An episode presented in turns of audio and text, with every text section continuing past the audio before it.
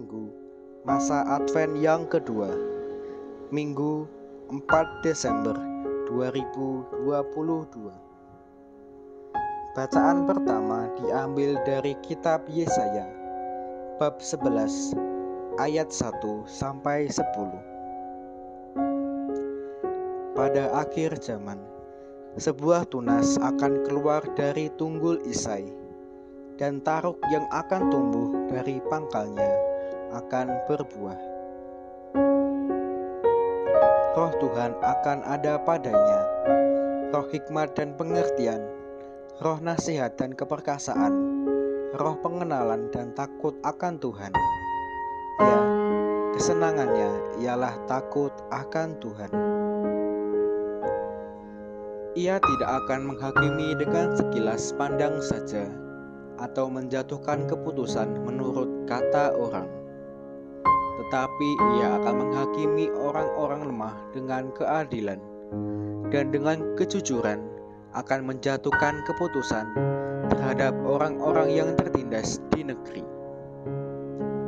Ia akan menghajar bumi dengan perkataannya seperti dengan tongkat dan dengan nafas mulutnya ia akan membunuh orang fasik ia tidak akan menyimpang dari kebenaran dan kesetiaan, seperti ikat pinggang terus terikat pada pinggang.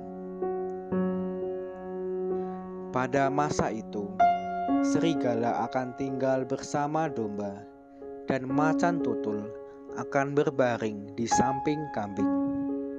Anak lembu dan anak singa akan makan rumput bersama-sama dan seorang anak kecil akan menggiringnya. Lembu dan beruang akan sama-sama makan rumput, dan anak-anaknya akan sama-sama berbaring. Sedang singa akan makan jerami seperti lembu. Bayi akan bermain-main dekat liang ular tedung, dan anak yang cerai susu akan mengulurkan tangannya ke sarang ular beludak tidak ada yang akan berbuat jahat atau yang berlaku busuk di seluruh gunungku yang kudus, sebab semua bumi penuh dengan pengenalan akan Tuhan. Seperti air laut yang menutupi dasarnya, maka pada waktu itu taruk dari pangkal Isai akan berdiri sebagai panci-panci bagi para bangsa. Dia akan dicari oleh suku-suku bangsa, dan tempat kediamannya akan menjadi mulia. Demikianlah sabda Tuhan.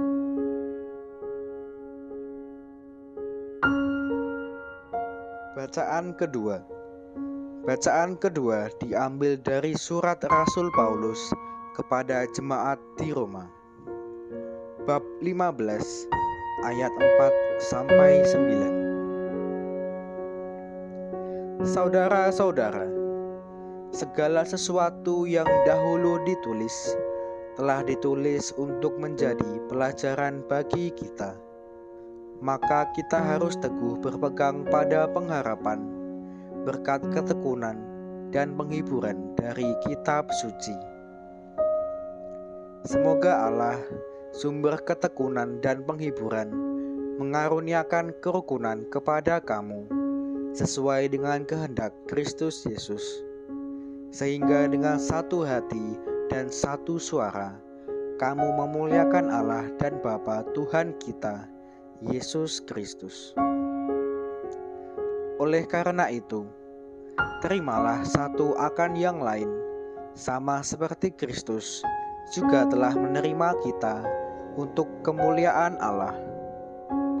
Yang aku maksudkan ialah bahwa demi kebenaran Allah, Kristus telah menjadi pelayan orang-orang bersunat untuk mengukuhkan janji yang telah diberikan Allah kepada nenek moyang kita, dan untuk memungkinkan bangsa-bangsa memuliakan Allah berkat kasih karunia yang diberikan Allah kepada mereka. Hal ini kukatakan kepadamu seperti ada tertulis. Aku akan memuliakan engkau di antara bangsa-bangsa dan menyanyikan mazmur bagi namamu. Demikianlah sabda Tuhan.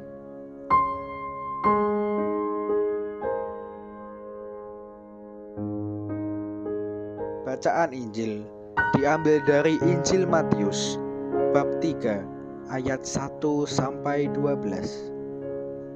Sekali peristiwa, tampillah Yohanes Pembaptis di padang gurun Yudea dan berseru, "Bertobatlah, sebab kerajaan surga sudah dekat."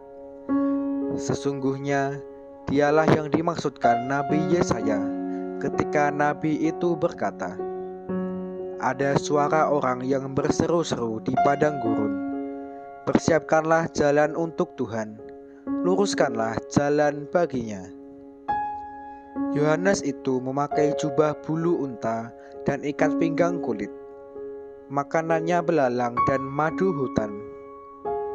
Maka datanglah kepadanya penduduk dari Yerusalem, dari seluruh Yudea, dan dari seluruh daerah sekitar Yordan. Dan sambil mengakui dosanya, mereka dibaptis oleh Yohanes di sungai Yordan. Tetapi waktu melihat banyak orang Farisi dan orang Saduki datang untuk dibaptis, berkatalah Yohanes Pembaptis kepada mereka, "Hai kamu keturunan ular beludak, siapakah yang mengatakan kepada kamu bahwa kamu dapat lolos dari murka yang akan datang?" Maka hasilkanlah buah yang sesuai dengan pertobatan dan janganlah mengira bahwa kamu dapat berkata dalam hatimu, "Kami adalah anak Abraham." Sebab aku berkata kepadamu, dari batu-batu ini pun Allah dapat menjadikan anak-anak bagi Abraham. Kapak sudah tersedia pada akar pohon, dan setiap pohon yang tidak menghasilkan buah yang baik pasti ditebang dan dibuang ke dalam api. Aku membaptis kamu dengan air sebagai tanda pertobatan, tetapi Ia yang datang kemudian daripadaku lebih berkuasa daripadaku, dan aku tidak layak melepaskan kasutnya. Ia akan membaptiskan kamu dengan Roh Kudus dan dengan api. Alat penampi sudah di tangannya ia akan membersihkan tempat pengirikannya dan mengumpulkan gandumnya ke dalam lumbung. Tetapi debu jerami akan dibakarnya dalam api yang tidak terpadamkan. Demikianlah sabda Tuhan.